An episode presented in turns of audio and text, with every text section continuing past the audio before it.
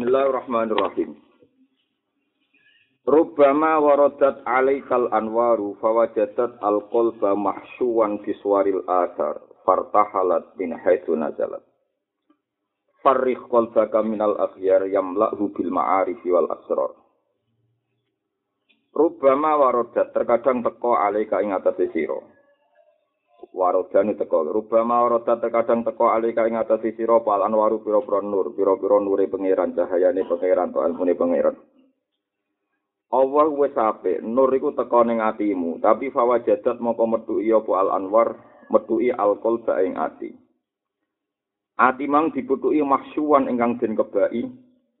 Den kebai disuaril asari lan pira-pira gambaran makhluk. Wae asar temen iki pira-pira bekas kemakhlukan disuaril asar iklan pira-pira gambar-gambar kemakhlukan Mulane fartahalat mongko minggat apa anwar utawa miri apa anwar? Irtihalu miri sing ora terhormat. Fartahalat mongko miri apa al anwar? Min haitsu nazalat sing ing sekirane turun apa al anwar. Jadi terkadang Allah maringi ilham ning kuwe, maringi firasat sing bener, maringi macam-macam. Jebule ati sing ditekani ning nure pangeran penuh dengan keyakinan-keyakinan sing terkait kemakhlukan. Akhirnya nure pangeran minggat hilang mire gara-gara nure Allah ora iso bareng mbek ati sing dikebaki mbek perasaan-perasaan al-aqwan utawa perasaan-perasaan apa al-asar. Jadi contoh paling gampang ngeten ya, misalnya jenengan sholat niku lillahi taala usolli fardhu dhuhri sampai lillahi taala. Niku mun bener. Ketika mulai ana nur mulai ana nure pangeran dunya iku sepele. Sing abadi ku tunduk ning pangeran. Sing abadi ku tunduk ning pangeran. Kowe pas ora wujud dadi wujud ya kersane pangeran. Sebenarnya ning kuburan dadi lemah iso bangkit ya kersane pangeran. Iso ambekan ya kersane pangeran. Nah sampean nur iku atimu yo ngono iku nure suwi. Sehingga sampean bayang ning akhirat iku wis kepenak. Artinya kepenak iku kowe ora dadi Firaun. Ora dadi Firaun. Tapi nak atimu ngene, aku salat Wah, dikai duwe engko iso dadi majikan, dikai ilmu engko iso dadi tuan, dadi bos, dadi wong sing terhormat, terus ngatur wong. Berarti kita jadi Fir'aun, bayang noning dunia ngatur, ora diatur tapi nopo ngatur. Lah iku nure langsung hilang. Nure pangeran hilang, gue diganti Fir'aun. mental Fir'aun. Malah ning ngendikane Abdul Qasim Al Junaidi, wong khusuk ora ana ilmune iku jek apik Mu'tazilah. Mu'tazilah iku ngaku pangeran iku ora terang-terangan. Tapi wong khusuk iku ngaku pangeran iku ora kodo-kodo. Maksudnya ngeten contohnya iki. Pendapat Mu'tazilah kan wong iso nentokno prilakune dhewe. Misalnya aku sesuk ape mangan, sesuk aku ape ning bank, sesuk aku ape kerja. Seakan-akan dia itu Tuhan karena menentukan apa yang dikehendaki. Tapi Mu'tazilah luwe apik, luwe jujur. Artinya luwe jujur, dia berpendapat begitu itu karena rasional. Tapi nanti yang tiang zuhud sing gak duwe ilmu. Aku nak sholat ngene kudu untuk ngene, nah aku nglakoni ngene kudu untuk ngene. Seakan-akan dia itu al-mudabbir yang mengatur segalanya. Lah itu ada Fir'auniyah. Nah, dalam bahasa tasawuf ono Fir'auniyah, ono Ananiyah. Saya ini siapa? Saya ini aktor. Harus melakukan sesuatu dan bisa saya lakukan. Jadi di mental Fir'auniyah atau di mental nopo Ananiyah. Saya, saya. Padahal dalam ilmu tasawuf, kata saya itu dihindari karena ini musakhor. Kita ini abdun semusakhor. Kaulah sing di atur. Orang kok kaulah sing ngatur. Ini hikam masyur ngendikan. Al-akil idha asbaha yakulu mada yaf'alu wa buki.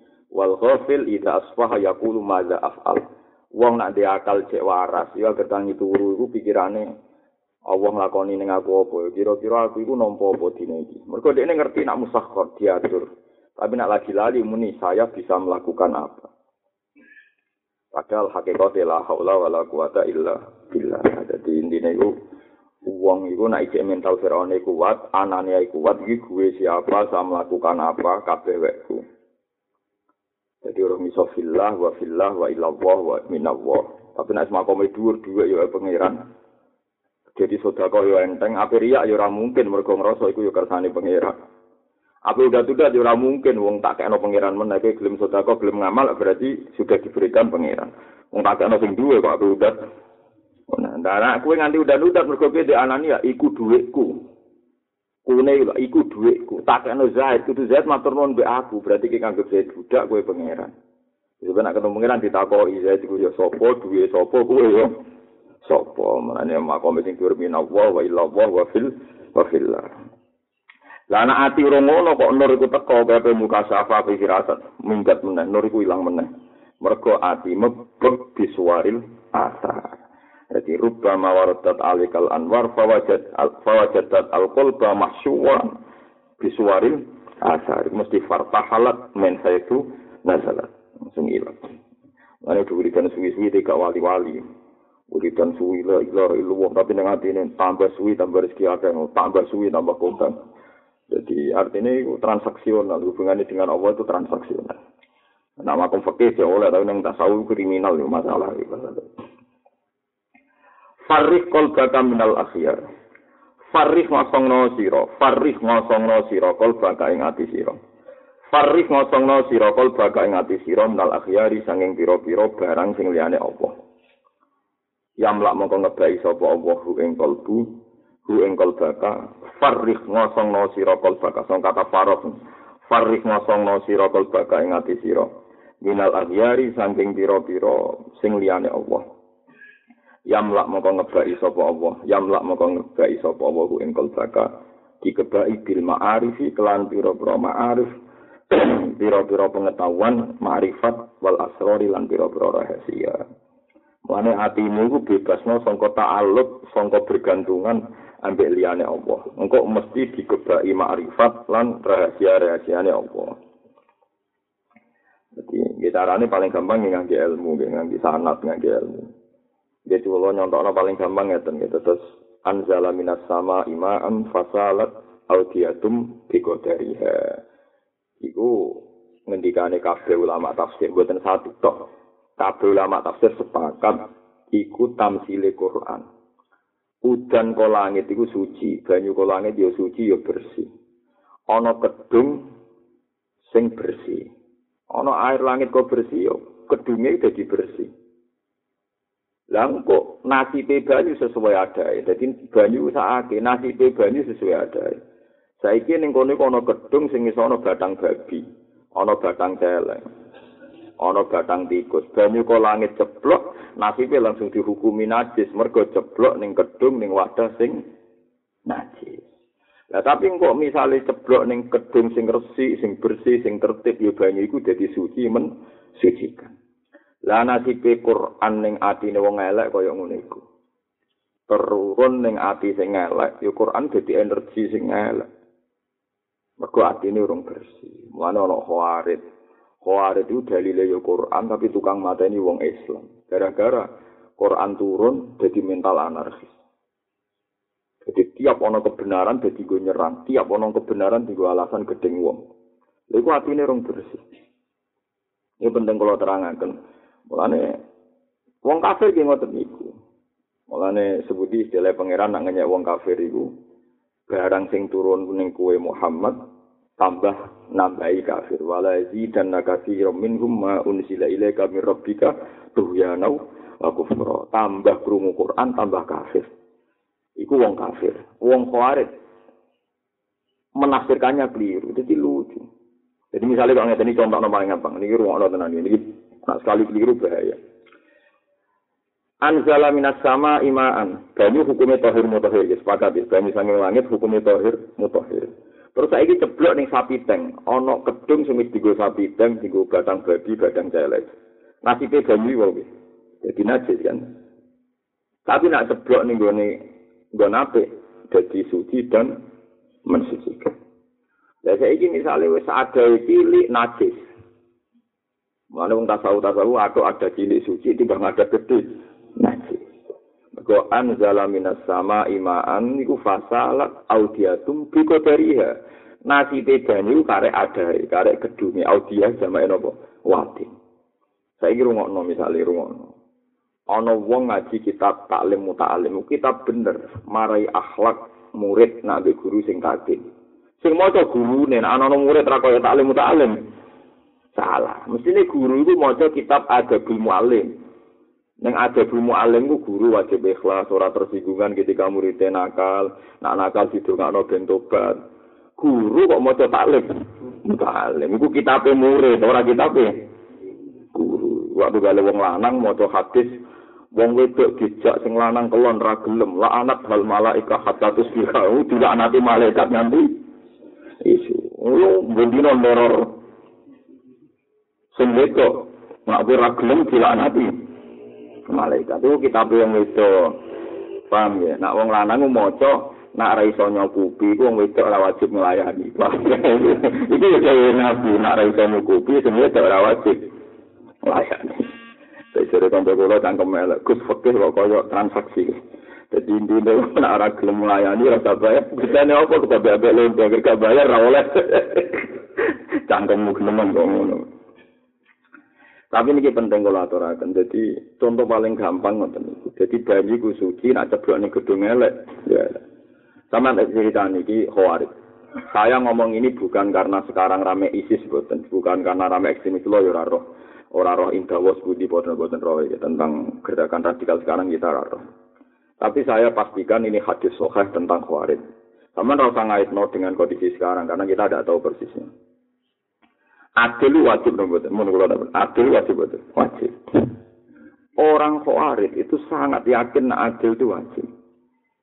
Tapi dia berpikir adil itu punya versi. Mergo atine elek.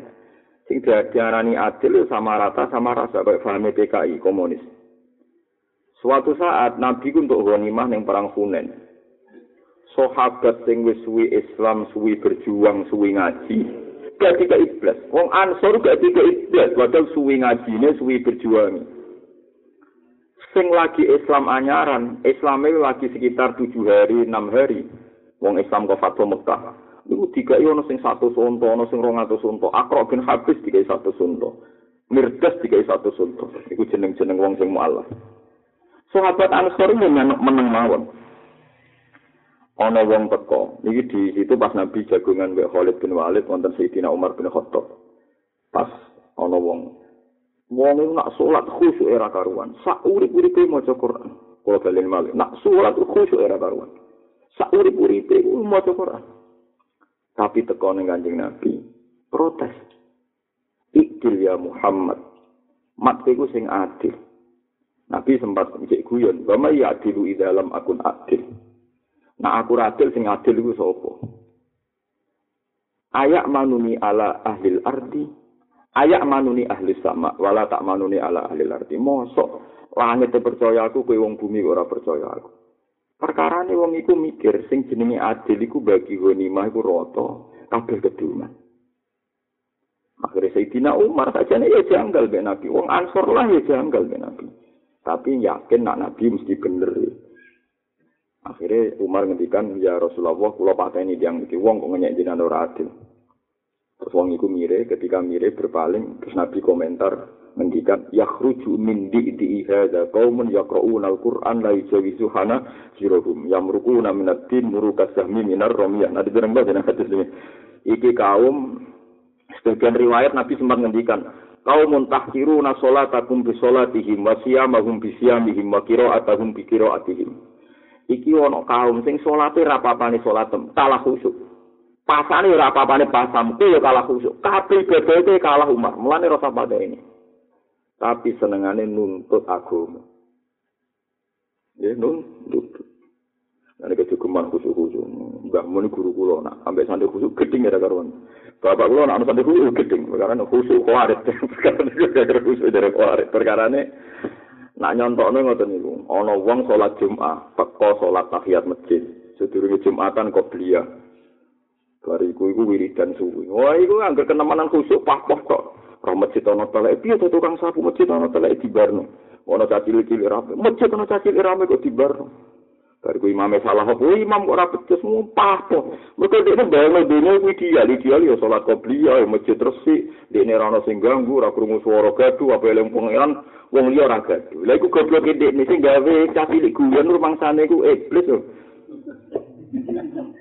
Tau kita sing gawe cah cilik guyon iku sunai pangeran ta sunai iblis. Pangeran kan dene ora ideal kersane pangeran ta kersane iblis. Pangeran. kok pahpoh masjid kudu resmi kok biya kabeh tahiyat masjid kuwabe wudune sunah rasul sujude sunah kuwabe itu khawarit kebenaran yang dia terima untuk mengadili orang lain. Mereka sebenarnya jadi wong alim. Kudu aja khusyuk. Wah kayak peksa ora khusyuk ku peksa. Ini kayak wong awam Mergo sekali kowe gawe standar ideal, mesti setan ngridu kowe kon ngadili wong liya. Nek ora percaya kok kok kuburanku, mesti kowe diridu kon ngadili wong liya. Yen ora percaya jajal wong kaya rugen ini, kon tahajud seminggu, aja sawuran seminggu. Tiap hari tahajud. Terus kalau ngomongan hati-hati seminggu. Engko ora Mustafa ora kanca-kancane urip ora turu ora tau tahajud ning dunia pisan. Ya tahajud seminggu ora wong turu males. Betul jadi jarang tahajud terus padha kan tenang ya. Lagi dari ulama timbang kita pak kok ada rata tahajud. Jadi disebut to'atun aurosat izan wastik. Apa maksiatun aurosat zilan wang kisaro khairun min to'atin aurosat izan wastik. Kue salah sing dadekno tawaduk, luwe apik timbang kowe bener tapi dadekno ku mau lungkung. Kenapa percaya jajal? Kue tahajud semung rong minggu ya, seminggu tak rong minggu. Tahajud rong minggu terus dalail rong minggu. Enggak orang wong mangan yang pasar. Dunia bisa nek omongan mangan. Enggak orang wong turu. Dunia bisa nek kok turah turu. Lalu yang mesti nek kata hajatkan para pangeran tapi jadi paspor. Enggak tahu jadi apa. Apa yang rene itu itu. Maafin micik ngono iki. Itu termasuk garang apik tapi ceblok ning adah nopo elek. Ane masuk hikam masyur ngendikan sampe ana kiai sing dipikuran ning omahe mergo gara-gara iku ana pepatah nak ana maksiat dadekno sopane wong luwih apik timbang lakon itu dadekno sombonge wong Nabi syukur-syukur ya kue to'at plus apik. Wahfid jana hakalil mu'minin sebagainya limanis tabak akan apa minal mu'minin. Setambah sopan. Jadi ini penting kalau aturakan. Jadi mental fir'oniyah, mental ananiyah, Mulane kabeh wong dicoba diam-diam ning atine muni ana rabbukumul Allah, misalnya kue jadi majikan, terus ono wong melarat ke rumah kue, kue nak rata rumah aku sing rumah sopo, kue menggora kerja neng aku kerja neng sopo, nak rata ke aku mangan kondi, kue itu sak langit langsung ngeritik kue, kapan kita di pangeran? Mulane dari ini Abdul Qasim Al Junaid tidak apa apa Fir'aun. Ngomong menolak di pangeran terbuka nih podium ana rabbukumul Allah. Lah wong iku ngomong lho dadi pangeran tapi ora terang-terangan iku malah repoti iku maksude Nabi Musa kan nyerang ra iso perkarane. Ora jelas, ora jelas. Mulane Nabi Musa ora nyerang kuwi perkarane ora jelas dadi Firaun iku. Saya mulai saja hati-hati sampai ngaji hikam tuh mereka cuma mau gagah-gagah ngaji panjang kepengen ngelakoni itu sampai di mental anania, mental fironia. Iku diam-diam muni ana robbukumul Allah. Nak tak ulang aku sing minterno kowe sapa, nak ora tak kei aku sing makani kowe sapa. Terutama gawe anak be bojo ya. Anak itu kita nafakoi, bojo kita nafakoi sampai yang mudat-mudat ngono. Bahaya, mungkin kalau anak kula niku wedi, karena saya rawan mudat-mudat, yang biaya anak saya itu saya. Padahal hakikate iki boten. Misalnya anak kula jenenge Hasan ditulis pangeran terdiri dari anakku, jatah rezekine ditulis. Aku bagian dari skenario itu. Nah, bagian dari skenario itu kan raih terjadi king rezeki king rezeki karena semua dalam apa skenario dan KPKP harus ditetir zaman azali. Lembek dong. Kulo be Hasan cara lahir wujudnya di kulo, tapi cara zaman azali kan ya bareng, mesti tulisannya bahak dan anak Hasan, Hasan dan anak Iki kan bareng. Jadi gak perlu saling ngeklaim. Malah iso wae azali tulisannya ini, bahak tak burohno mulang ruhin. Jadi dia, dia ngalim tapi tak ngel ngelo mulang rugen malah repot. Suka tak ngel ngelo golek duit, enggak tak wajib no. Ngekekne fakir miskin. Jadi fakir miskin ben temu wae nganggur sing suka. Tapi di sana ngono kok terus mudat-mudat. Repot kan? Iku jenenge minallah wa illallah fil kena isma qome dulu minallah wa illallah wa fil sehingga kita ora duwe anania, gak duwe fir'onia, ora diam-diam muni ana rabbukum Allah. Sebab itu sedekah koyo apa akiye. Nah ria itu lumayan, tapi sekali udah tunda telah tilu sodakotikum bil mani wal adzan. Kau udah tunda itu tidak hanya melukai sembah sodako, tapi melukai tauhid anda. Kalau kalian malik, sodako tidak sekedar melukai udah tunda, tidak sekedar melukai yang kamu sodako, tapi melukai tauhid anda. Yang paling berat itu melukai tauhid anda. Mari pangeran duka tenar tilu sodakotikum bil mani adzan. jogeman di batal sedekah itu sedekah ilmu di duit. Bilman ni wala ada man niku unda-tunda jadi mani sangka kata peparing. Jadi wong kok ngerasa kowe sing ngekeki ora Allah jadi kowe kaya duwe sifat almanan. Padahal duwe sifat almanan namu Allah Subhanahu wa taala.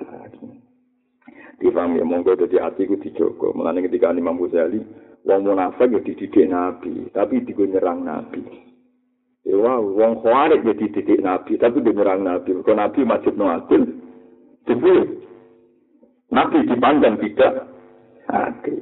Akhirnya muni ikil ya Muhammad, mat kowe iku kudu adil. Iku repot, malah enak. Ati ku bener, engko nur ya bener. Tapi ati ku ora bener, nur ya minggat. Ya minggat wae kaya banyu wong misal ceblok ning najis, kesucian banyu langsung ilang kan. Gara-gara ceblok ning najis.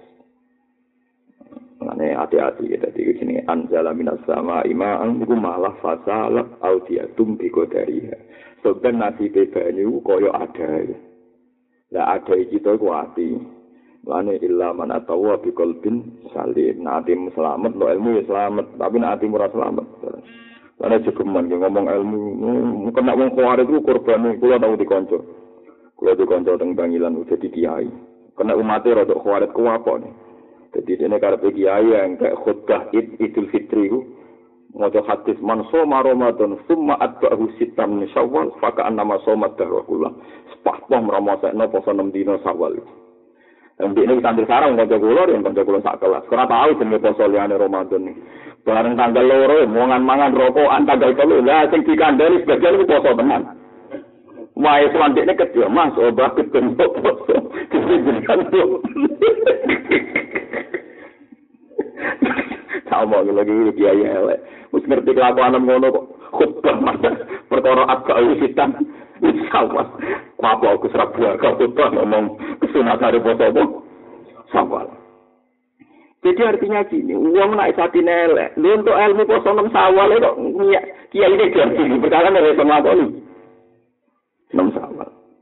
Jadi ku uang itu ngene mesti ini ora usah ngono poso-poso dhewe nek apa kok kok biaya dhewe petakiat masjid tetap gede ora usah ngadili wong. Tapi wong itu semuanya itu menungso barang bener digo energi salah. Iku mau misalnya wong sering kopiah, badia, sering poso, sering tahajud, kok orang wong gak suka peteng perkara kok. Wong ora bener kabeh. Nah, melane aja kudu teman-teman gini pesen kula, melane iku sirine kena napa nabi seneng guyon.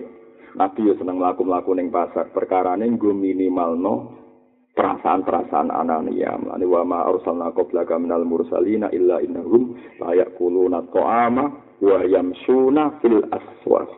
Kabeh rasul tak utus iku mesti sering mlaku-mlaku ning pasar.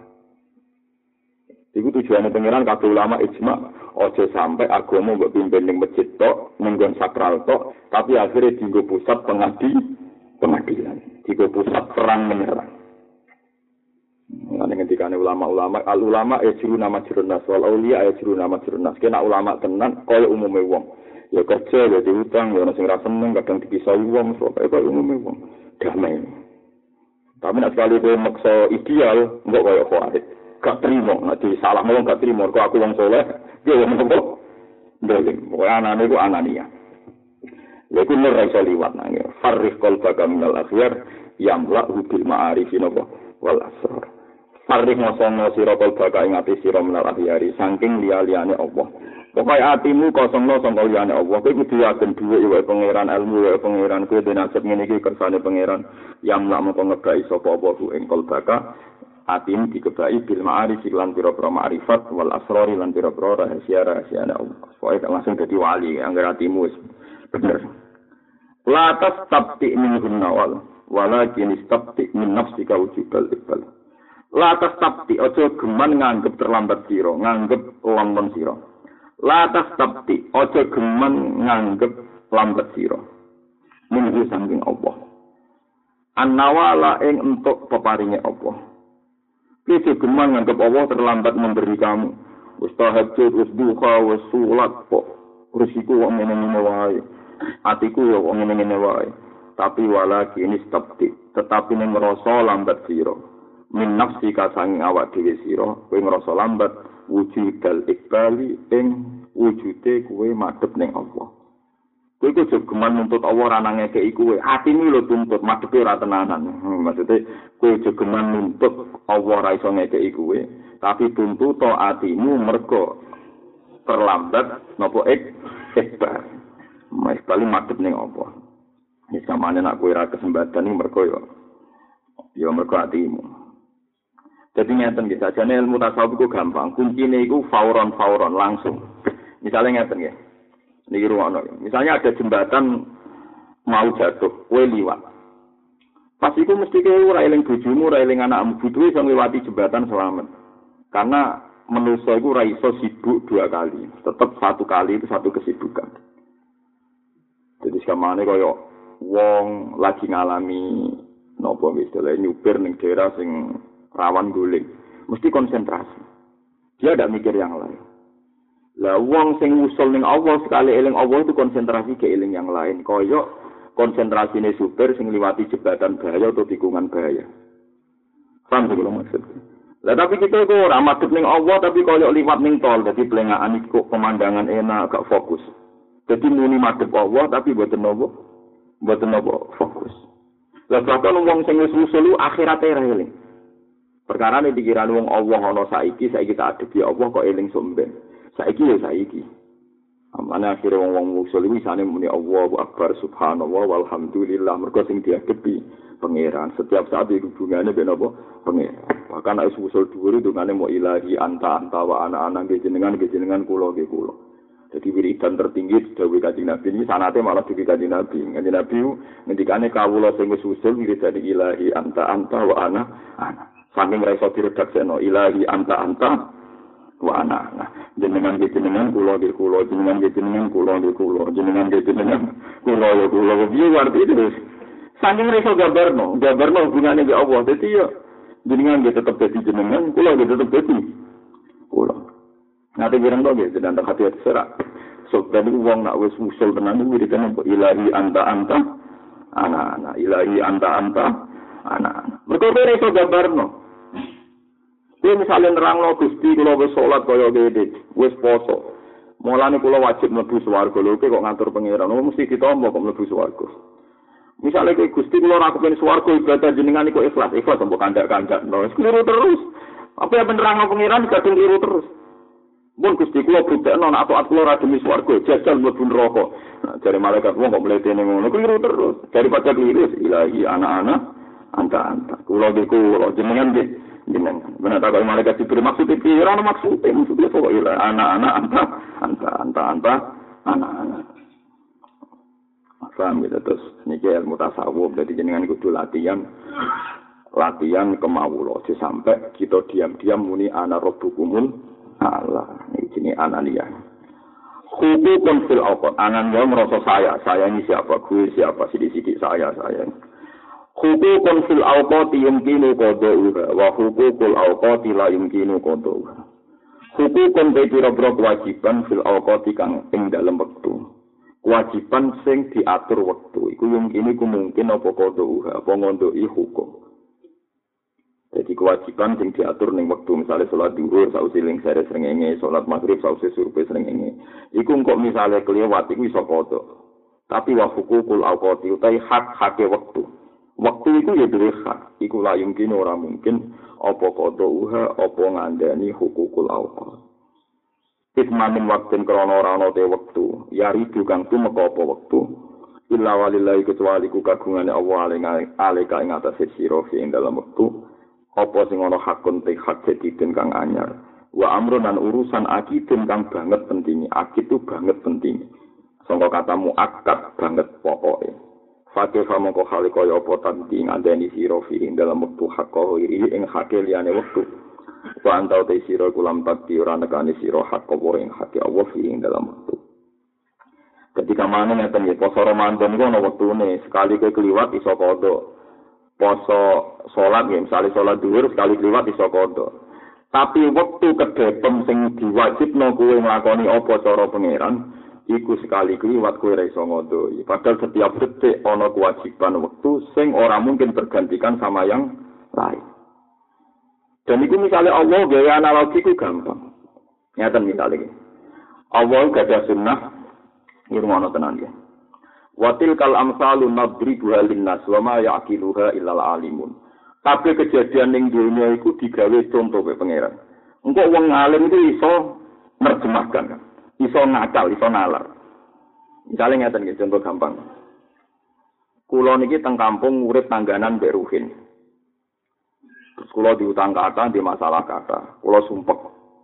BPKB wae jatuh tempo diutang akeh wae bayar listrik. Terus kulo ketemu tonggo teng pojok desa. Karena saat sumpek ketemu tonggo itu merengut. Misalnya ketemu Ruhin tanggaku ketemu itu merengut. Lah hati ketemu tonggo, ketemu konco kan senyum. Paham ya? Gara-gara sekian masalah, ini kulo nopo merengut. Sausnya aku tak omah ketemu, misalnya.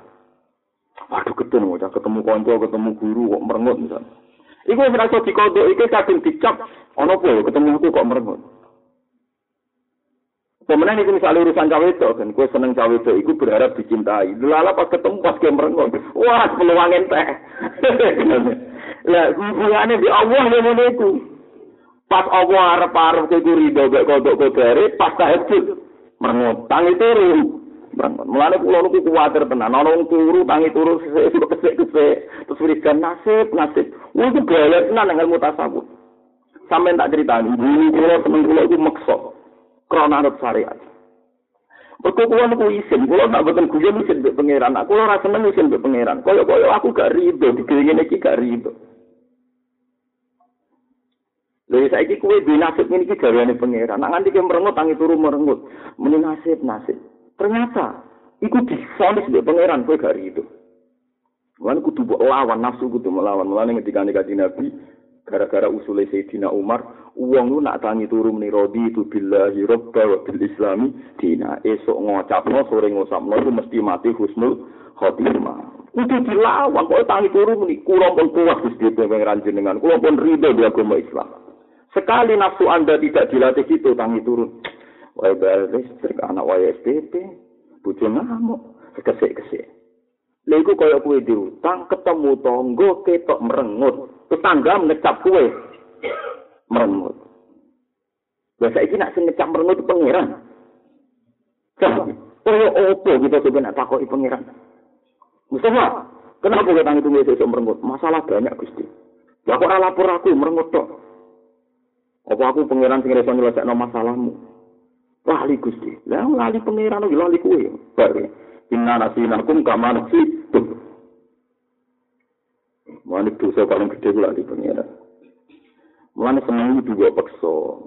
Kulo lah di masalah, kulo di masalah kita tapi rasa seneng wisin, wedi ku bagian dari rasa seneng dianggap buka kodok kodok. Mulane seneng wajib.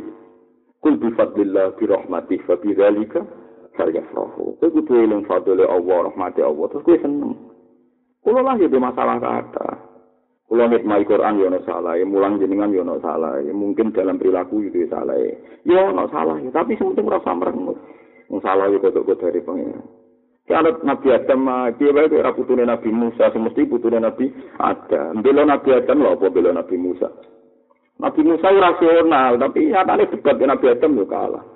Pertama ini kasof muasola. Jadi ruhi Nabi Musa itu dikai kesempatan pangeran ketemu Nabi Adam. Dasar Nabi Bani Israel. Nabi Adam pertama ketemu digugat. Ya abana Adam. Apa bapakku Adam iya. Umpama jenengan riyen tak salah, menungso ora lahir ning swarga, gak perlu repot ning donya. Ora perlu ana sing ahli jana, ora ana sing ahli. Nah, dia perlu golek duit, ora perlu gak ada BPKP, ora perlu macam-macam. Mereka lahir ning swarga, ora perlu dagangan, ora perlu macam-macam. Lho nggih bener Nabi Musa kan. Kita nganti ngalami ngene ning donya mergo apa? Kesalahane Adam kan, mungkin Nabi Adam ora salah. Mustafa gak elek ngene iki gua anteng lahir ning mungkin gak kriting gua anteng melarat lahir ning swarga. Dari Nabi Adam jabe enak. Sang Musa. Aku ngalami ngene iki ora wis ditulis kowe. Kowe Musa sing tok Taurat Nabi Adam sering nyindir. Kira Musa sing tok Taurat nggih. Sing Allah ngendikan langsung kowe to nggih. ama wajat kafi Taurat. Kira yo maca ning Taurat. Nah aku ku sedurunge digawe patang puluh tahun wis ditulis skenario ne pengiran. Nah aku apa salah? Salahku gak tulisane di sini. Di tulisane. Ngono takono pengiran sing nulis. Lah iya dalam kitab Taurat itu Adam sok tak gawe, nah tak gawe salah, nah salah tak usir ke swarga. Tulisane ngambek salah di sini. Bisa tulisannya. Terus Nabi Adam terakhir ngendikan. Lalu, mana ke diutang, utangnya mbak diutang, gagal diutang di sini. Bisa tulisannya. Mana tenangnya tapi sahur di buku. tapi sahur, tapi tulisannya ini. Itu ya sahur. Tapi rasa sumpet teman-teman, kan sumpet teman-teman, berarti hari itu ada kodok. Wah, apa sumpet temu elek. Sumpet nyaur, pas nganggur rasa sumpet. Sumpet itu kadang liru. Pas nek mati utang, pas pertama itu kan seneng. Maya nyaur. Oh, itu rafael itu. Kuburnya dua-duanya seneng. Pas nganggur seneng, pas nyaur ya. Seneng. Orang nyaur itu apa, nak nganggur. Nah, ini setan, ini setan pokoknya urip ini penuh. Paham gitu. Nak seneng loro-loro nih pas utang untuk ayo seneng nyaure. Jadi kula warai gitu terus mulane wong itu tangi turu kula suwun tenan sing ngaji kula latih tangi turu nak seneng ngopi ngopi wae nak seneng rokok rokok wae. Sementing aja geman kesik-kesik eling nasib. Iku nak nganti ke disawang Allah gak riba be kodok kodar bahaya. Mana kabeh ulama iku nyarano nak kowe islami ya ana cara islami tangi turu eling Allah bareng eling Allah terus wudu mergo ana telung setan gawe nabi kan wong nak tangi turu ana tiga bundelan apa setan nak eling pangeran setane budar sito nak so wudu budar loro engko nak salat budar telu ya misale ora iso salat al maisur la kudu bil ma'sum minimal wudu nak wudu iso minimal terus eling pangeran eling pangeran sing asik-asik ae Gusti Kulo ya utangnya ke masalah akeh kok cek urip. Nek ora dilapor polisi Gusti, mesti iku ora sekedar iso nyaur terus dilapor napa polisi. Dadi kese sae namun kita ketok sae. Soale lagi kabeh eling-eling, napa paham? Napa? Ora bojo namo bareng eling-eling Gusti. Kok normal sing diamuk sing salah. Jadi tepat sasaran, bojo kulo pinter ketika namo tepat apa sasaran. Ojo malah kamu butuh gak terima, butuh itu waras, mereka ngamuknya tepat. Kaya apa misale mbok lapuri ke dhewe tangate ora iso nutupi terus bojo guyu guyu. Ora apa-apa Pak, tenang ae wis sapi. Jadi nek ana bojo nuntut kuwe urip bahagia iku sing seneng, paham iku nur normal. Ini bojo wis kok kandhani utang tenang, mbok kandhani dhe masalah tenang iki. Paham ya, fatkuru ala Allah ila alakum tuflihun. Nah, tinggi ya, wonten riwayat, Nabi Dawud itu didawai pangeran ya Dawud habibin nas ilayya. Wong itu butuh kok seneng noneng aku. Terus wa kaifa ilaika bagaimana cara saya mencintakan engkau pada mereka Uskurni bil hasanil jamil fa innahum la yazkuruni illal jamil ingatkan mereka tentang perilakuku sing apik mergo wong roya aku sing apik-apik wae Kamane kon delok sisi positif, aja delok sisi nopo negatif. Jadi misalnya kalau kue rati tetir dari Sabul Qadir Jilani, orang enak jadi Sabul Qadir Jilani masuk ketua wali. Ah, Hasan Sadali ya orang enak, engkau pengumumannya bodoh, enggak Jadi kue orang enak.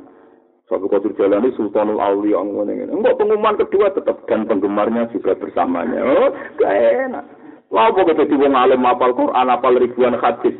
Loro, wong alim itu sekolah loro, pengumuman kedua dan penggemarnya sama. Oh, saya enak, itu jadi artinya kira alim itu enak.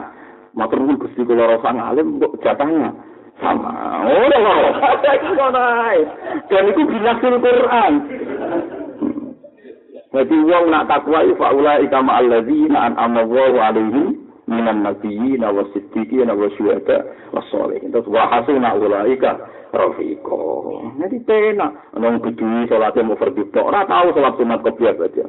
Dari awal matur Nabi sallallahu alaihi wa ala angkus barang biasa ya tadi nabi kalau sholat tak tambahi tak kurangi nabi wis nabi kondange ngono sedinyang ya Rasulullah dari jenengan kalau wajib sholat lima waktu ya orang wajib liyane ya Rasulullah hal aliyah huruhat lah gak isbat semua wajib mau sholat lima waktu itu Sallallahu alaihi wa ala zalik wal angkus. Kalau kau nak sholat di pas, orang bakal kebiang, orang bakal jadi ya. Oh, tapi aja diri deh ini. Jadi pendengarannya kok diri. Nah, kalau diri ya, kamu di jalan itu ya. Kalau kan jadi aja ikut. Betul nanti rombongan sholat kopiah, wes orang lah umroh tak aku. Nabi sholat kopiah sholat ta, itu nggak ada kok kau kau arit. Sengaja kok kau apa? Arit. Kau hati sini soksa. Terus nabi jago gua siami Ramadan. Hal aliyah gulu, liani Ramadan mau tencer nabi la ilah anta tawa. Ya orang orang kecuali kayak kau sunat. La itu ala dalik wala angkus. Tiap nabi ini kewajiban, ini yang yang aneh. Fawwah demi tuan tanda akan nambahi tidak akan kurang pokoknya pas ya sholat itu pas ya karena kok biaya-biaya orang wiridan tambah orang lah tambah orang Ya wah semono itu bareng Nabi pidato. Suatu saat Nabi pidato khutbah, maksudnya khutbah Jumat. Orang pidato ini podium dina pengajian, orang anak saat ini buatan enten itu cerita ngoten. Maksudnya khutbah ini pas Jumatan itu orang kok khutbah pidato diundang kok kayak podium mau MC ini buatan. Saya pikir aku mau pidato berikutnya Rasulullah.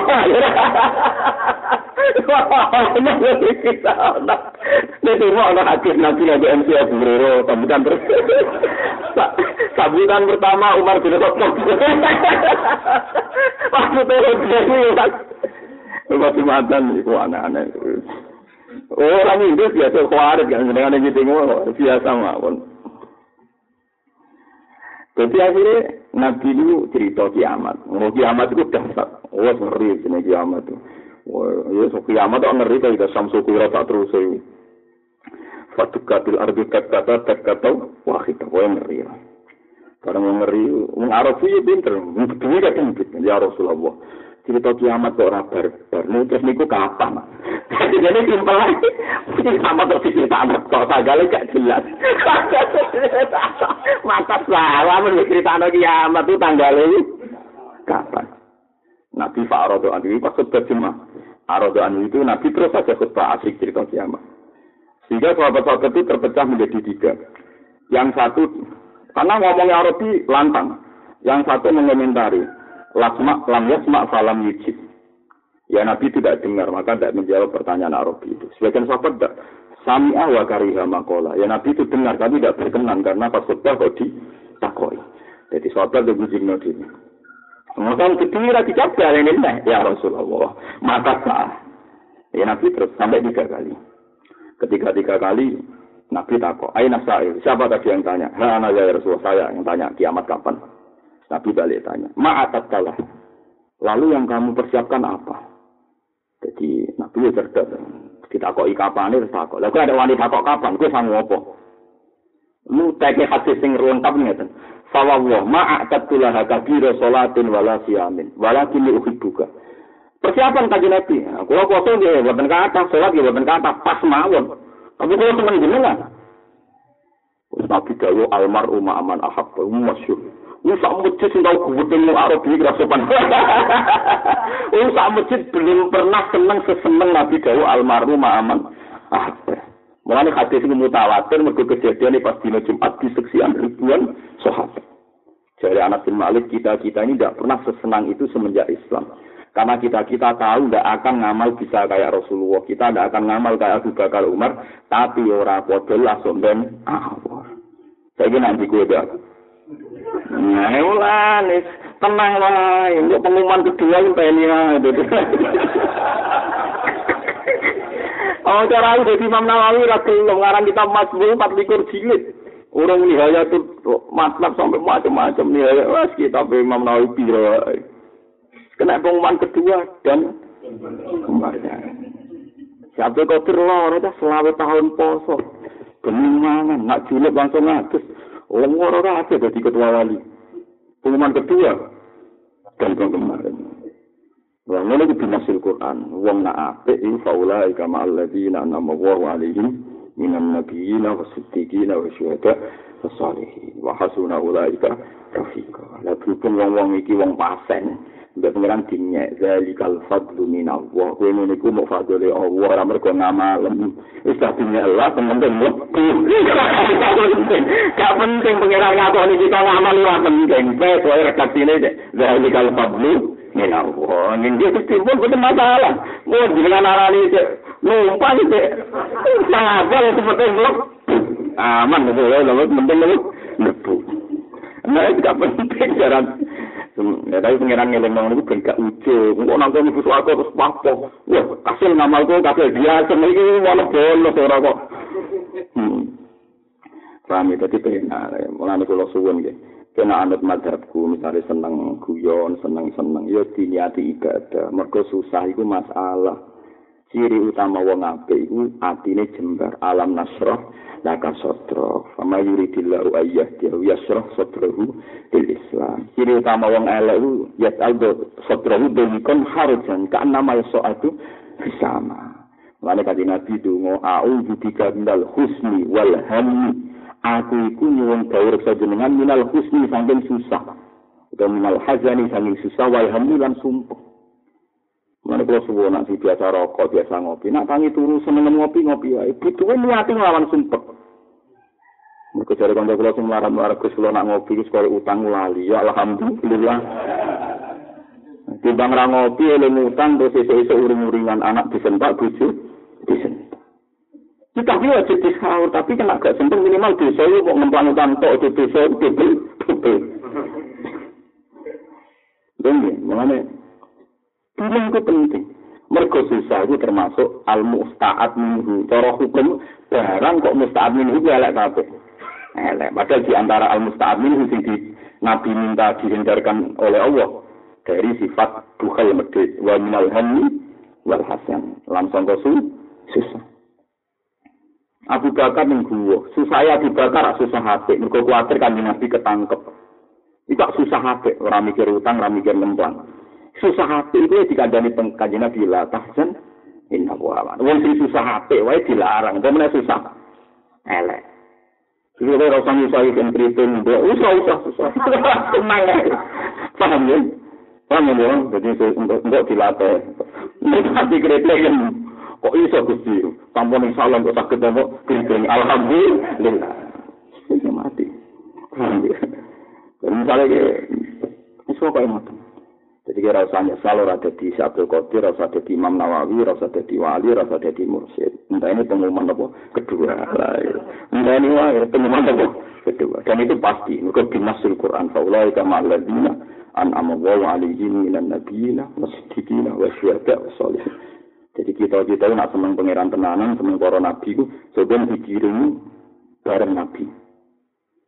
Ora tanggung-tanggung, bareng nabi, bareng siddiqin, bareng syuhada, wassolihin. Terus wahasuna ulai karofiko.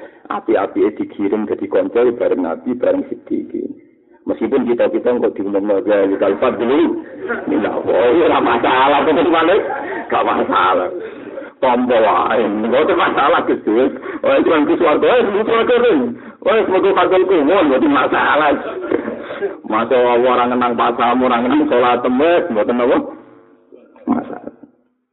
Mulane kalau suwon hadis arab penting kan apa salat qobliyah ya qobliyah wae apa tahiyat masjid tapi rasa apa-apa nyalano wong liya. Mergo dhisik ana wong Arabi sing nyang dekat dina pindhon poso salat tok fardhu nggih. Ora ana fardhu liyane ya Rasul gak. Arabi zaman Nabi Sukri timbang lah itu ala dzalik wala angkus. Ora bakal tak tambahi. Ora bakal tak kurang pas kowe. Ngono wong kepengin Islam pas yo. Nah, kalau ini Islam itu sama Arabi, ini ada tiru. Kalau ini agak beragama itu model itu Arabi. Jadi, ya pas sama itu. Alim gue langsung kali ber, tapi ini ibadah Arabi. Nah, gue mbak orang roh. Kenapa orang wali aneh, mulai Arabi. Ya, salah salah. Iya, ya, kalau ini, sekarang istirahat, istirahat, drama salah. Ini, Ojo jadi khawarit sementing senengane kebenaran juga nyerang wong. Iya, nanti cukuman wae cukuman jadi khawarit kebenaran gue nyerang wong liya. Niku salah eleke perkara niku niku kok tiap ono kebenaran kok. Lucu tuh, wong ngoten niku lucu. Iya, misalnya wong ora tau omongan sing ora penting, ora wong rasane ngakak. Pegawan wong rasane wong dosa tok. Ya sapa sing tukang rasane Mustafa biro kan sawur urip rasane wong. Lah kok ngene iki rasane piye kok.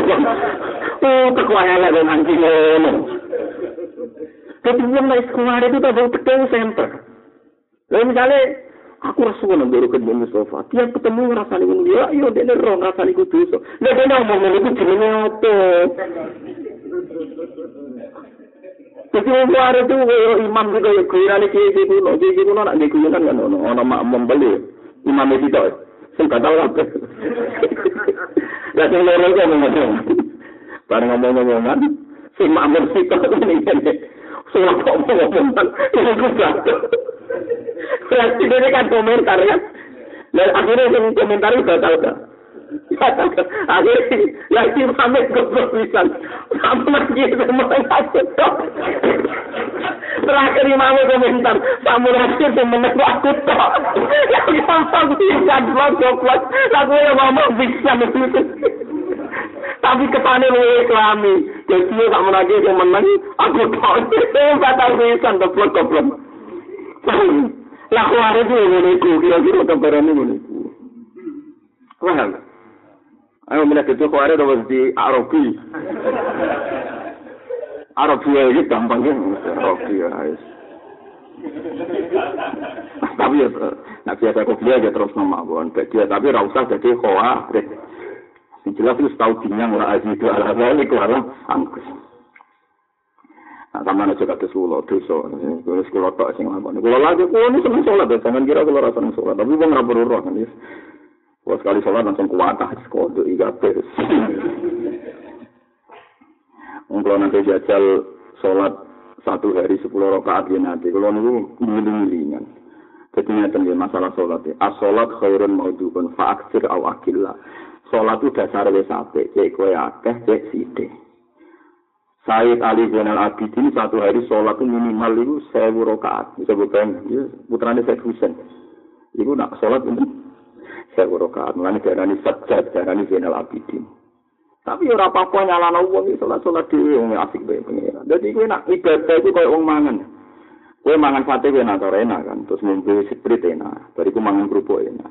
Nak enak ora usah terus pah-pah. Enak apa to mangan jengkem? Enak apa to mangan gepak? Wong kok goblok ngono. Kangkung kok dipangan, wong kok goblok ngono. Lha kuwi nak mangan enak ambek papok ngomentari wong sing mangane gak gigi. Ya kaya ngene iku. Lha kuwi salat kok kok nikmati ibadah terus papok ngomentari sing ora salat. Lha wong kok kenikmatan kok papok. Jadi kena mangan enak, mangan air, rasa komentar. Enak apa itu di rumah? Pakanan itu dipangan. Ngomong-ngomong ya. Kapan dia mati makanan itu itu? Lalu nak sholat itu kan asik, halawah. Halawah maknanya manis enak. Tapi ngomentari orang dia lah kapan dia nikmati ibadah? Ibadah. Mulane lawan dia nafsu itu lawan. Mulane kan Nabi. Wong nak esok menirodi itu billahi robba wa bil islam dina bi Muhammadin Nabi ya wa Rasulullah. Esok sore ngomong, iku mati husnul khotimah. Mergo iso nglawan apa rasa sumpek. Lah nek misale ra iso mau, kok minimal kula suwun, nang turu sing senenge ngopi-ngopi. Paham ya, nek senenge minta bojo aja kegiatan. kegiatan ngono. Mun mandel kula, dadi seneng iku ibadah, sampai Allah mirsani hati kita, diam-diam gari dobek kodok kodare pengeran. Dosa zina itu rum diusir pengeran. Dosa nyolong rum diusir pengeran. Tapi dosa gak nampa kodok kodari pangeran malam yardo bi kodoi walam yaspir ala balai fallat lu proban siwai. Wal yakhruj min tahti ardi wasamai wong sing ora rido be kodok kodarku golek pangeran liyane aku. Dike nek siap sing di pangeran zat sing gawe kowe kriting kon golek pangeran dia sing gawe kowe lurus. Loro kan? Fallat lu proban siwai. Wal yakhruj mintah di ardi wasama. Dosa zina ora diancam ngono, dosa koruptor ora diancam ngono. Tapi nak dosa gak rido ke kodok kodok diancam. Lah gitu menungso kadang misalnya seneng nak ngopi ya ngopi ya. Mergo al-wasail fi hukmil maqasid. Gitu cara pakai nama al-wasail fi hukmil maqasid. Nari dam ke pengiran ngopi ngopi ya. Nari dam ke pengiran yang beli jagungan ke konco konco ya.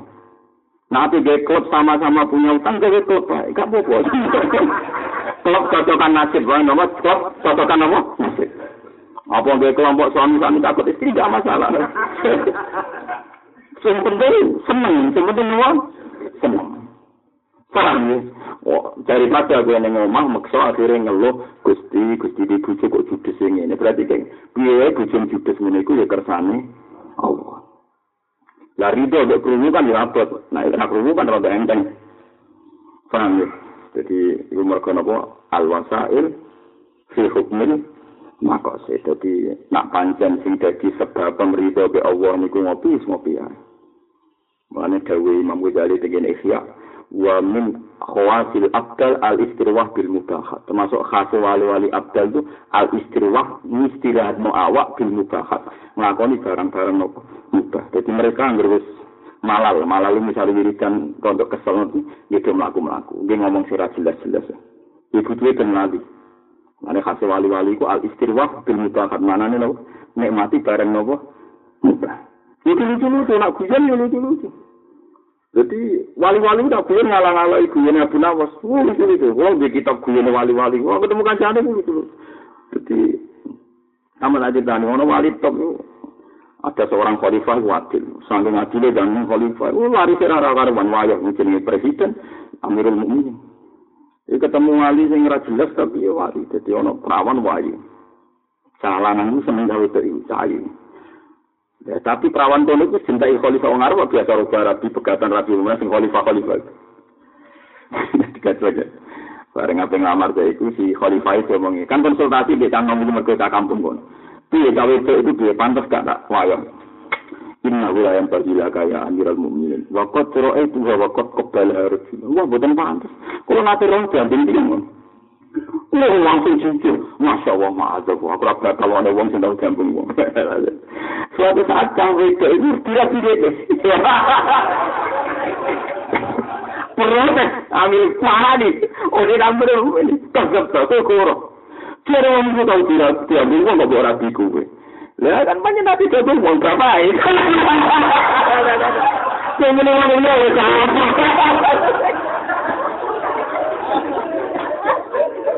Ah, semuanya jalan. Kira orang kalau kita jadi mau kau ini, robot itu besar ini, betul betul. Inna hu yasluhu inna ala tasluhu la ka amram bidin wa qad ra'aytu wa qad qabala rasul. Mboten mantes kula nak terang gabung iya. Oh, suatu saat bisa. Karena mau wanda, terus kok tidak tidak. Buat ini ya, sewan. Wali-wali di sana aku yang bisa lu. Cari itu boleh, itu mau. Jadi khas wali itu al istirwah bil mubah. Lewat satu kotor ini cuma saking di bawah nih. Semuanya kan jadi rakat oleh mangan enak. Bareng buat ini li anak itu kuru-kuru. Ketemu siapa kotor pas mangan pitik. Mangan ayam tewon ya luar biasa. Jago bisa. Eh protes kok iya anak kuru kini enak-enak. Ya kira saya berkotir terus nyetok keramat itu kumi bismillah. Tapi ini ya wali ya. Tapi kan ini tenang ya mangan ayam ning omah. Dari ini anak kaya aku oleh mangan karepe. Nah urung woco. Nah, tapi saya alhamdulillah orang kok sabtu kotor saya apa dipadan. Padahal ada cerita kan anaknya guru. Barang anaknya guru, ibu protes. Ya sabtu kotor anak pulau guru dengan nenek mangan ayam. Sabtu kotor waktu akhirnya ngendikan kuni bitnya terus ayam utangi ini la ilaha illallah Muhammad Rasulullah sabtu kotor. Terus kalau ida soro ibnu kiha kata fayakul masa. Anak-anak keramat kaya aku oleh mangan kita. Jadi nak delok nabi jaya maksudnya karena orang kaya aku ora oleh mangan kita. Tapi sing mana kita, anu orang kaya satu gocir wis. Wis mangan di Alhamdulillah. Itu kesuwan yang dari kaya satu gocir. Tak masalah cara aku. Mergo iku ngene pengumuman apa kedua. Eh, tenang ya, tak jamin. Tunggu pengumuman apa kedua. Iku kan kampus, gelombang pertama lalu lulus, dari gelombang kedua. Paham ya, jadi tenang malam. Jadi seneng niku dilatih. Mergo ciri utama setan iku wong lewat sumpet. Ya lewat nopo sumpah. Mergo sumpet itu dadekno berlawanan ke agama. Wa ma ja'ala alaikum fid min haras. Misalnya ke salat sumpek salat ku sah ora, wudu ku sah ora. Akhire capek salat ku sumpek. Lha ngate sowan pangeran sing jare kowe seneng kok sum sumpah. Apa sowan pangeran ijo wae, apa ketemu kekasihku wis. Kekasihku ora kaya Pak polisi sing takok BPKB STNK wis pokoke Allahu Akbar semantep ditompo. Nah, oke, mantep lah tompo. Manjan pengiran tak butuh sholat, butuh aku sujud, wes damai. Tak sholat, es tenang. Takut itu sholat itu namanya ditompo. Dan pengiran tak butuh sholat tuh. Pengiran es pengiran tanpa sholat, boleh tompo. Ini hal pengiran. Ini mesti tak warai. Tapi soalnya gara-gara kira ditompo terus sholatem ke jadi ibu neraka. Kalau ibu neraka kemungkinan aku tok, ya gue barang ngomongin ngono ae. Asal kemungkinan aku tok gue barang. Engkau tinggi ini. Pokoknya sing dia sing gampang. Pokoknya sing asik, dia pangeran sing asik. Kul bifadillah, birahmati, fadiladika. Terus ciri wali itu rasa usah. Ala inna awliya Allahi la khofun alaihim wa lahum. Ya, Ciri utama wong apik ora susah. Terus aneh itu lahumul busra fil hayatid dunya wa fil akhir. Anane mau seneng. Lah saiki akeh toreko, akeh aliran sing wong kon susah, diteror. Nah iku ora cocok. Tapi itu jangan tentang kualat, mereka orang-orang soleh. Tapi aku ikut menentang, itu kewajibanku. Hmm. Yo, nah terus kulo anu pinten, anu kan aku sementara iki info tempe. Pokoke sing happy, sing asik, wis pokoke kul bi fadlillah bi rahmati fa bi dzalika falyafrahu. Ya mau kula baleni malih ya. Aja sampai ana momentum kowe didelok Allah besengut. Yo kaya wow, kowe utang mate disentak bojo. Ketemu wong ninggalan orang yang berjasa sama kamu kowe merengut. momentum ini kira iso kamu ulang karena orang itu sudah ngecap gue mereng. Bayangkan nak gue onok momentum Allah ngecap gue merenguti kodok dari Allah terus gue kena aturan faliat lu problem siwa. Mengenai supaya itu gak terjadi dawe kaji Nabi dilatih. Nah iso pujian apa rodi itu billahi robba wa bil islami dina wa muhammadin nabiyyaw wa rasulullah. Nggak sore mendingan. Paling gak kan nafsu kita terlatih. satu lanjut kudu ridho. Ridho maknanya seneng, seneng puas. Jadi kue di servis puas menurut apa rodi itu. Jadi kita tiap hari dilatih meni rodi itu billahi robba. Walau paham itu sampai momentum itu hilang, mereka sekali hilang, gak mungkin dikodok, dikodok. Masa tamin umri kala iwadola. Ngote perkara fata kang pot apa min umri kasani umur sira. iku la iwado iku ora ana pengganti iku mujud lalu kedhe manfaat min mereka. Umur sing wis liwat gak akan tergantikan. Ya wow, momentum gue mesti ketemu kancam senyum gak tergantikan. Mau mau senyum citramu ku apik gak sombong. Gara-gara gue ketemu merengut, momentum itu sudah hilang. Dicap som, sombong. Ya bodoh, kue neng masa lalu rito be Allah dicap wong sing rito. Sehingga gue sebenarnya lebih suarco, kena cap rodi Allah anhu morodu anak. Jadi cerita mau ngaku iku Allah ridho lan mereka ya warodu anak. Wa mau te perkara hasil akan hasil apa malaka kedue sira. Wa mau te perkara hasil akan hasil apa malaka kedue sira. Min sangking ikilah ma. Maksudnya mama te perkara hasil akan hasil apa malaka kedue sira min sangi umrika min sangi umrika iku lagi mata iku ora ternilai apa ma lahu Tapi mata iku ora ono nilai niki lafat ni radiane. Terus ngeten bayi, bahasa ini melayani bahasa umum. Kalau dalam bahasa umum laki mata laga itu tidak punya nilai, paham? Tapi tengriki maknanya laki mata itu nggak tertarakan, nilainya sangat tinggi. Jadi ini buat apa? Lazim. Ini satu-satunya lafaz hikam yang tidak lazim. Kalau kalian lagi. Kalau dalam bahasa Arab, misalnya kalau ngomong untuk rugen, laki mata laga kamu tidak ada nilainya, maksudnya truk, jatuh. Tapi yang dimaksud hikam laki mata lagu ini saking dulu. Jadi itu buatan-buatan apa? Buatan lazim. Kalau waktu di Sarah ya kersane sampai ngerti. Kalau di rada janggal ya, tapi akhirnya di Sarah dibener no. Maksudnya bahasa itu maksudnya orang ngono itu maksudnya orang ngono. Jadi maksudnya ini laki mata lagu ini maknanya nilainya sangat apa? Sangat tinggi. Ini kalau saya sangat sing teng pinggir mau Ini kita sing wis teng pinggir. Wa ma hasala kami minhu lagi matalau sing teng niku kini sebagai sing teng pinggir. Layun kino ayu ko wama bisain li ibani kok. Layun kino ayu ko wama ditakwim dibandingno bisain li ibani napa? Kodri. Li anaka tatawas salubihi idas Napa itu tazal ta bi haqqi ta'ala fihi ila mulkin kabir fil akhirah wa syarafin azimin kafirin la yafna. Walidhalika azumat murad atus salafi soleh anhum. Jadi umumnya bahasa, kalau muni laki mata lalu itu gak ada nopo nilainya. Tapi maksud itu sangat saking tingginya, terus ini buatan lazim. Tapi saya pastikan maknanya begitu. Jadi contohnya nggak temu, ini rumah tenang itu. Wonten tiang pas tangi turu. Kan dari Nabi mun kula latih mon sing ana hadise gitu ben anut sunah Rasul. Orang itu kalau tangi turu kan kesunatannya menyebut nah iso-iso asbahna wa asbahal mulku lillah. Gusti kalau tangi iso lan keadaan iso ini gabungan jenengan. Engko nak sore menapa amsena wa amsal mulku lillah. Kalau sore-sore keadaan kerajaan yang milik jenengan. Iku sak detik kita ridho lan puas duwe pangeran Allah, iku dadi ana kowe diangkat dadi ahli jannah. Tapi sak detik orang detik ke gak riba be Allah ya rawan kue diusir ora pantas dadi kaulane Allah. Lah umur sekian detik itu kadang ngepasi ridane Allah dadekno kuwe min ahli jannah. Iku laku mata lahu gak ternilai. Gak ternilai. Ketika ada Ono sahabat niku nganti rolas malaikat rebutan gara-gara ada sekian menit lala dene spontan muni alhamdulillah hamdan katsiran tayyiban mubarakan fi. Iku nabi pirsa 12 malaikat kesusu ngatet. Jadi spontan-spontan ridho be Allah muni alhamdulillah ini luar biasa. Orang kudu pas sholat, pokoknya spontan-spontan ridho be Allah. Wah, saiki ku penyakit ridho paling abot. Mergo wong diteror masalah iki. utang, masalah, ketemu uang masalah, ketemu uang ambil bojo judis dianggap masalah. Kok mbok anggap masalah ku alasan apa? Posisi itu wis ditetir ngene. Terus kita nak ngaji kita ora ono pengucapan kita, perilaku kita kecuali kersane Allah Subhanahu wa taala. Lah iki bojomu judis kersane sapa? Nak mulang tauhid ning madrasah pakpo barang mulai ra bojo judis. Mulang-mulang tok untuk apa? Kak siap. Mestinya langsung caplo ilmu nih, Masya Allah. Gusti, Gusti.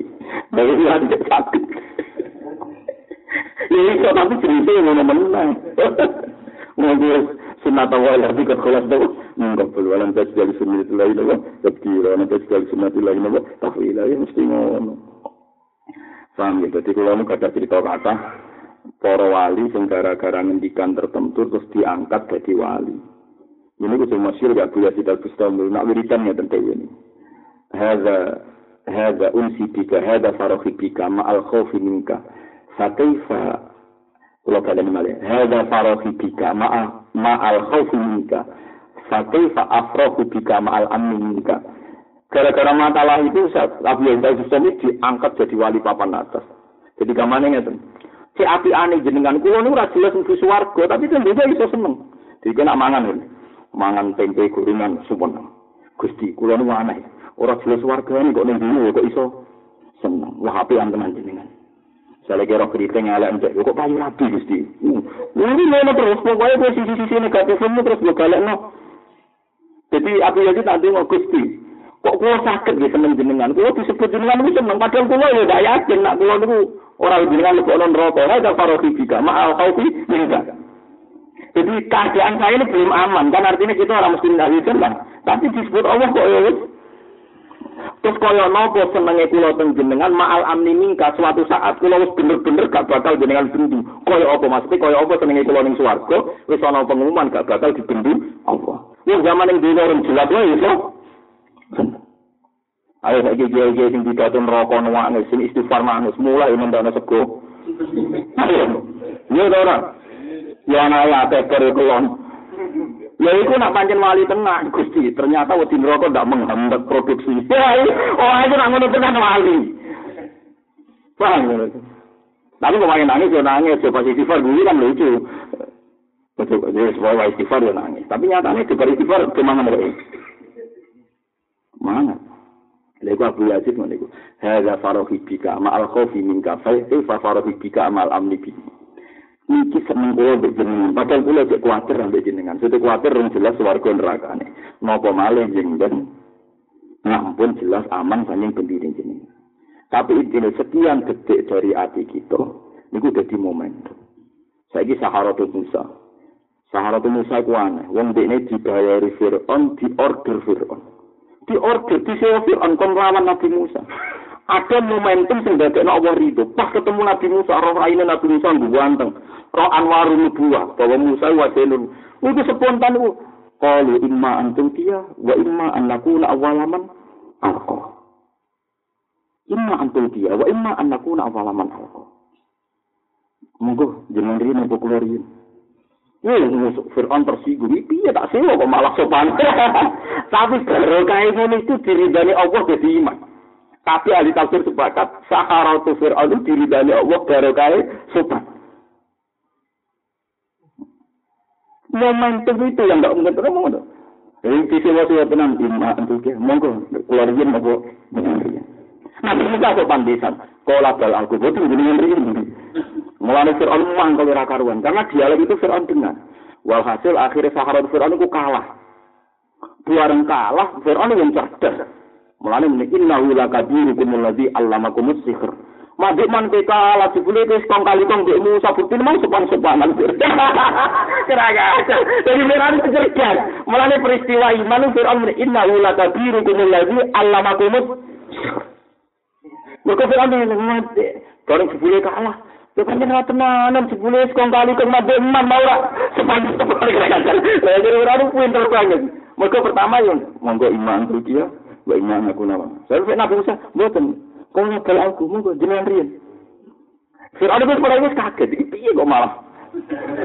Kamane kok jajanan ning malah tuh. Delala berpertunjukan. Sahara itu Fir'aun kalah itu kan. Iku wis skenario. Inna hadha la makrum makartum fil madinati litukhriju minha ala sebagian ayat innahu la kabirukum allamakum as-sihr. Wah, sebelum Musa guru ngono. Wes kong.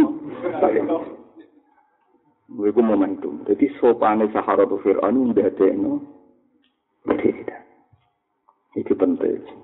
Mana pentingnya momentum sekian jam. Mana masyur dengan sufi. Inna wa ta'ala akhfa khomsan fi khomsin. Allah nyawara barang limo ning barang limo. Termasuk nyaman no ridho ini kadang ning barang sepele. Ya nyaman rodong dile kadang ning salah ning sepele. Lagi momentum. Mana kalau suwon dalam momentum ini minimal tangi turu buat mulai rodi itu billahi robba kok api turu buat tutupnya rodi itu billahi robba sehingga kita tidak ada momentum di mana kita dianggap gugat kodok kodari Allah. Ini paling penting yang bisa ditawar. Ini kalau suwun teman saya nggak seneng seneng sing di ilmu nikul bifadillah wa birahmati fadillalika falyafrahu. Kau ciri tamawali nopo Allah khofun alaihi larumul bushra anane mau seneng fil hayati dunya afil akhir Mane kula niku mboten sependapat yen awon tergerakan sing wong mok kon eling dosane tok eling saleh tok. Kula kula pribadi mboten sependapat. Tapi yo ora elek wong eling salah ya apik. Tapi hati-hati salah kita kan hati-hati. Mesti ate nek mati Allah. Misalnya kita salah hati, terus saya tobat. Ya Allah, Gusti salah ini sebelum jenengan tas, ngapik dengan jenengan. Misalnya elek kok jenengan. Saya gitu loh wong kafir. Wong kafir wala ala itu Sekali Islam disita oleh Allah seperti kulil ladzina kafaru yang tahu yukfar lahum salah. Sekali Islam semua kesalahan dihapus. Wong Islam sing salah sekali tobat gawe nabi kaya mawala kedua umum. Oh gawe mah wala kedua umum. Kaya baru di Jadi semuanya baik-baik saja. Kita akan baik-baik saja. Jadi mah barang wis kaya cilik lahir sebelum berdigatan meneh dari pengiran lebih ya bayi deh berdigatan. Waktu terus zina meneh maling meneh kan aneh bayi di koruptor. Bayi di nakal. Jadi kalau hal itu ya tak perilaku kok cilik orang kadang kok pola umpar tobat langsung berdigatan meneh kan gak situ kok cilik. Bayi di nopo? Berdigatan. Jadi agama dalam agama ini sudah baik. Lengan-lengan datus. Eleng-eleng pokoknya Allah kudu mirsani hati kita iku seneng. Ridho mbek kodok kodar. Lah carane sebuti wau ngeleng-eleng sisi nikmati fazkuru ala Allah ila alakum tuflihun. Ben aku pengen bejo eleng-eleng sisi nikmat. Ya napa sisi Masalah kita anak lagi nakal, lagi macam-macam. Terus gue paling gak ada tekno rawadu. Mereka uang nak kiai dan anak nakal, setidaknya ngilangi ujub. Ya macam coba, kiai dan anak nakal coba. Tapi ono nikmat paling tidak ngilangi ujub. Kue rasa suci, rasa gemerti, mereka dicoba dia anak. Nah, kalau saya ngilangi ujub, ibadah tau lah. Lalu ngilangi aku nasihat kangelan ya. Kaya contoh itu kapok. Lha kula sering menangi iki sing wong mau amene perapatan ngene-ngene suatu saat aku iso ngono wonten putune jenengan astagfirullah. Meriang tetep kena anak putu betul. Akhirnya Ya sing perapat lah sing apik. Capok. Lalu cara pengiran ora masalah, ngono iku ngilangi ujub. Jadi sebuah kakek itu ibro, digawe ibro. Jadi, ojo sampai ono momentum sing kita itu nentang kodok kodari pengiran. Walam lagi.